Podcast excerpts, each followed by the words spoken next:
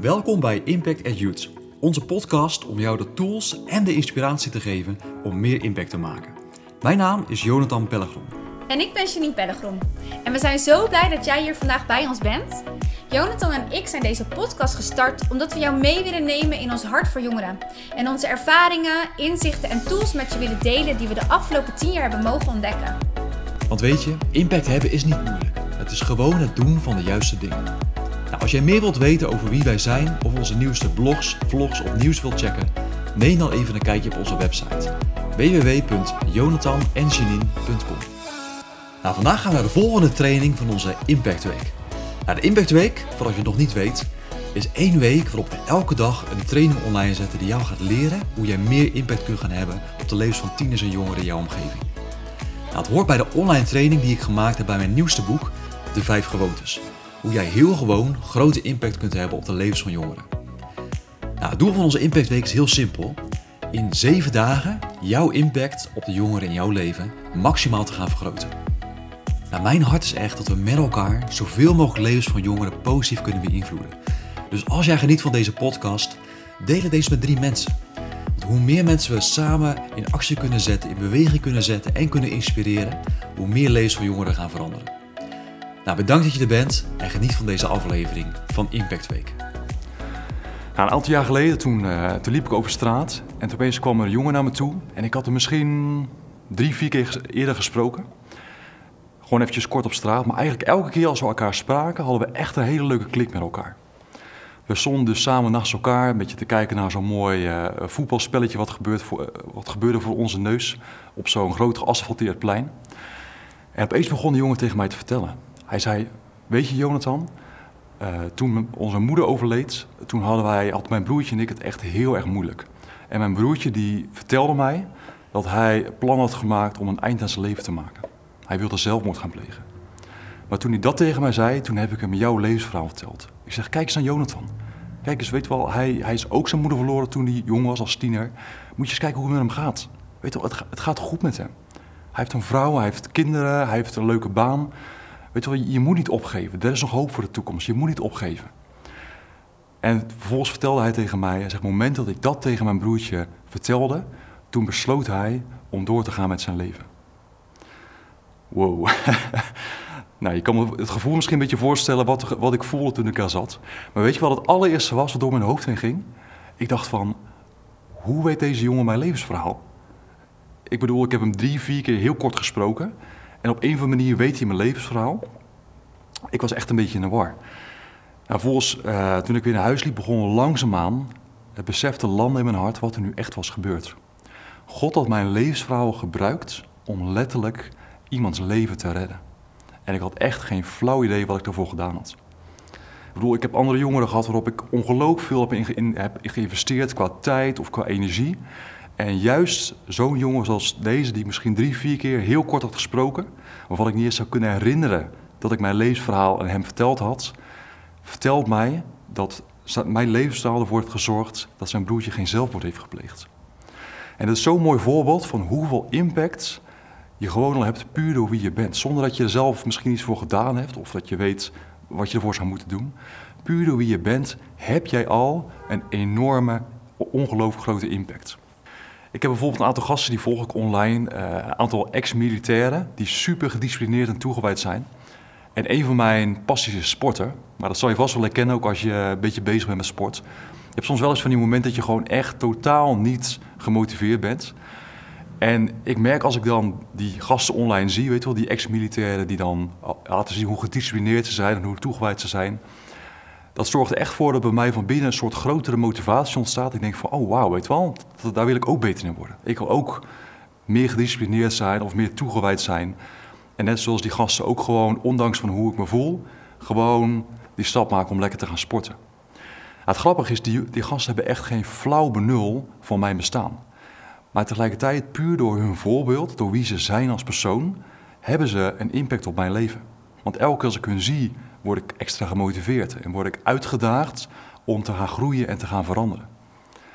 Nou, moment, als je kijkt naar jezelf, in feite zijn er drie rollen die laten zien hoe jouw impact werkt puur door wie je bent. De eerste is jou als rolmodel, de tweede als mentor en de derde als instrument van Gods kracht.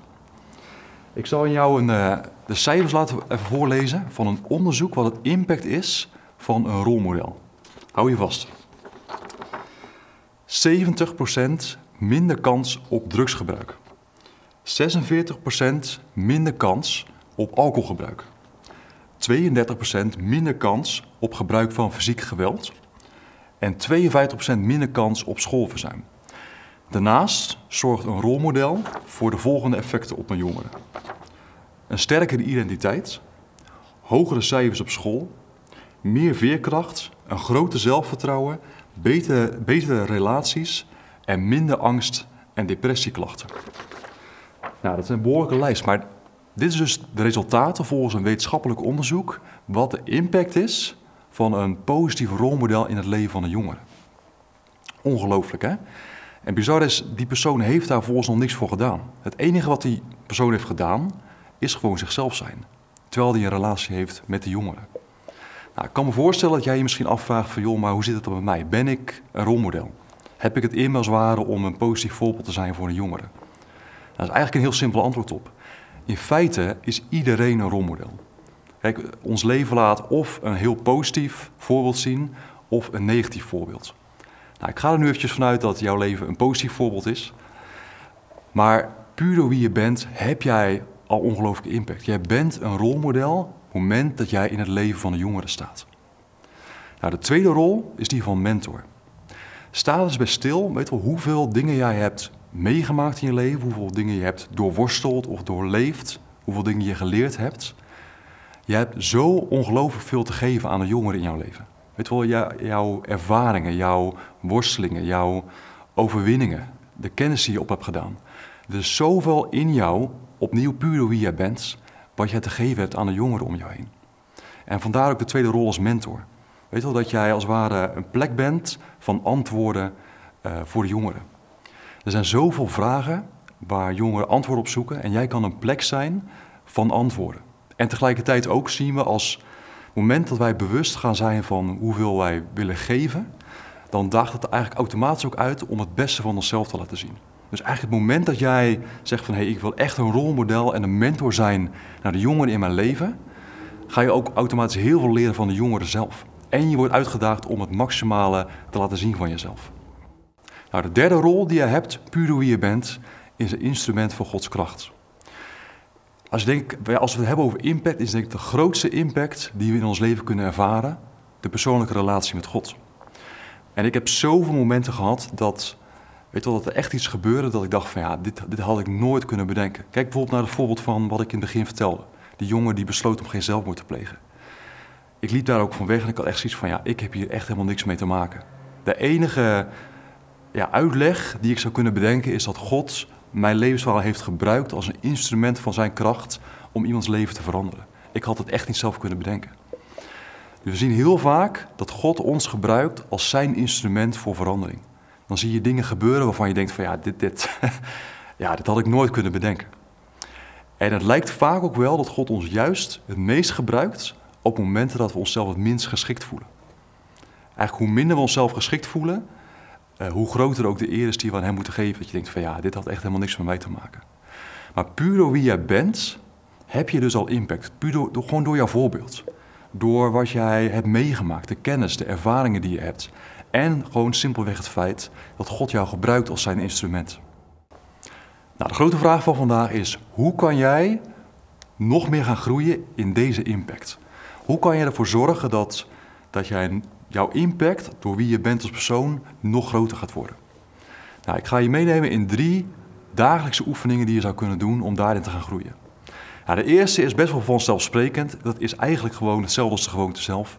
Wees gewoon lekker jezelf. Wees ongeremd authentiek.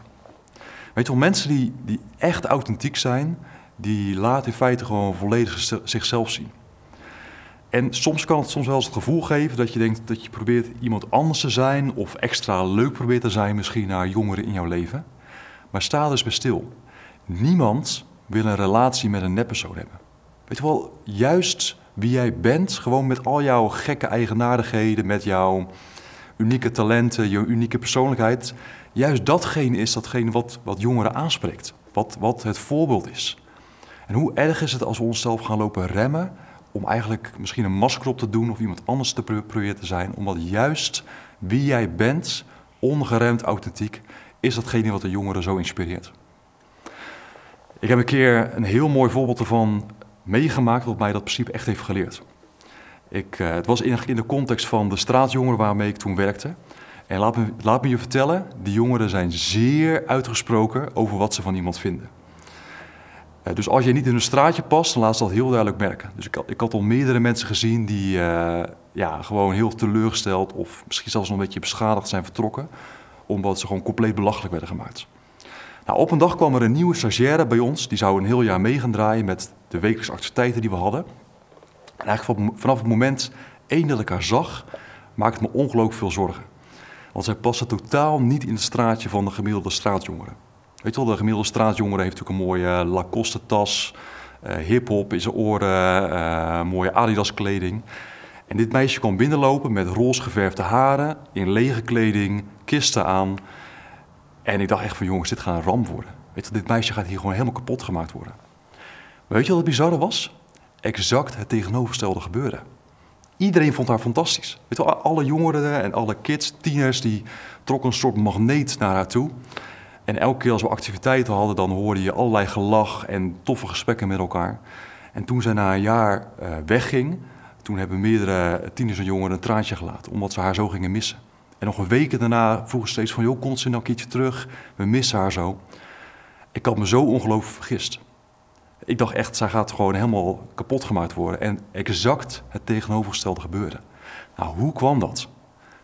Ze was gewoon 100% happy met hoe ze zelf was. Ze heeft precies van, joh, dit is gewoon wie ik ben. Dit is gewoon mijn kledingsmaak. Dit is de muziek waarvan ik hou. En ze was gewoon compleet 100% happy met wie ze was. En puur omdat, omdat ze dat deed, was het ongelooflijk aantrekkelijk voor de jongeren om met haar op te trekken. Het is ongelooflijk krachtig als je gewoon 100% jezelf durft te zijn. Nou, de tweede oefening is dat we onszelf overgeven als een instrument van God. Je kent vast het verhaal wel van de, uh, uit de Bijbel van de jongen met de vijf broodjes en de twee visjes. Weet Jezus die zat daar op een berg, had blijkbaar een geniale preek, want het liep heel erg uit. En de schattingen van een moderne theoloog is dat er waarschijnlijk 20.000 mensen aanwezig waren. Sta eens bij stil. 20.000 mensen. Dat is echt ongelooflijk veel. Dat is een stadion vol met mensen. Die waren daar. Nou, zijn preek liep blijkbaar een beetje uit. Want opeens sloeg de paniek toe bij de discipelen. En zegt, joh, weet je wel, iedereen heeft die honger. We moeten ze naar de dorpen toe sturen. Ze moeten eten gaan kopen. En toen zei Jezus iets heel aparts. Hij zegt van, weet je wat? Geef jullie ze maar te eten. Ja, en de bizarheid van de situatie hoor je ook in hoe Filippus dan reageert. Hij zegt, ja, maar, maar heer, weet je wel, 200 ehm, denari zou nog niet voldoende zijn om al deze mensen eten te geven. Nou, in die tijd, als jij de hele dag hard had gewerkt, dan verdiende jij één denari. Dus met andere woorden, Filippus zegt van, joh, al zou ik naar de Albert Heijn gaan met zeven maand salaris aan geld, dat zou nog niet voldoende zijn om al deze mensen eten te geven. Weet wel, het is gewoon zo'n extreem grote nood, dat, dat is onmogelijk. Dat is onmogelijk. En in die situatie komt er opeens een klein jongetje naar hun toe met zijn lunch, zijn vijf broodjes en zijn twee visjes. En hij zegt van kijk eens, alsjeblieft, geef de mensen maar te eten. Maar heb je al eens bij hoe dom dat is? Weet je, wel, je, ziet 20.000 mensen die, die honger hebben. Wat, wat voor verschil maken die vijf broodjes en twee visjes nu? Helemaal niks.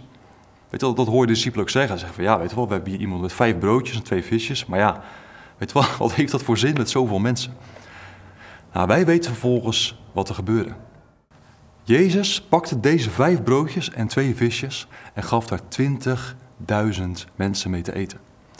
En weet je, hier zit een ongelooflijk krachtig principe in. Het moment dat jij alles geeft wat je hebt, net zoals dat jongetje, ook al is het misschien maar heel erg weinig, dan kan, dan kan God dat gebruiken om er een wonder mee te doen en een impact mee te maken die je nooit menselijk gezien had kunnen bedenken.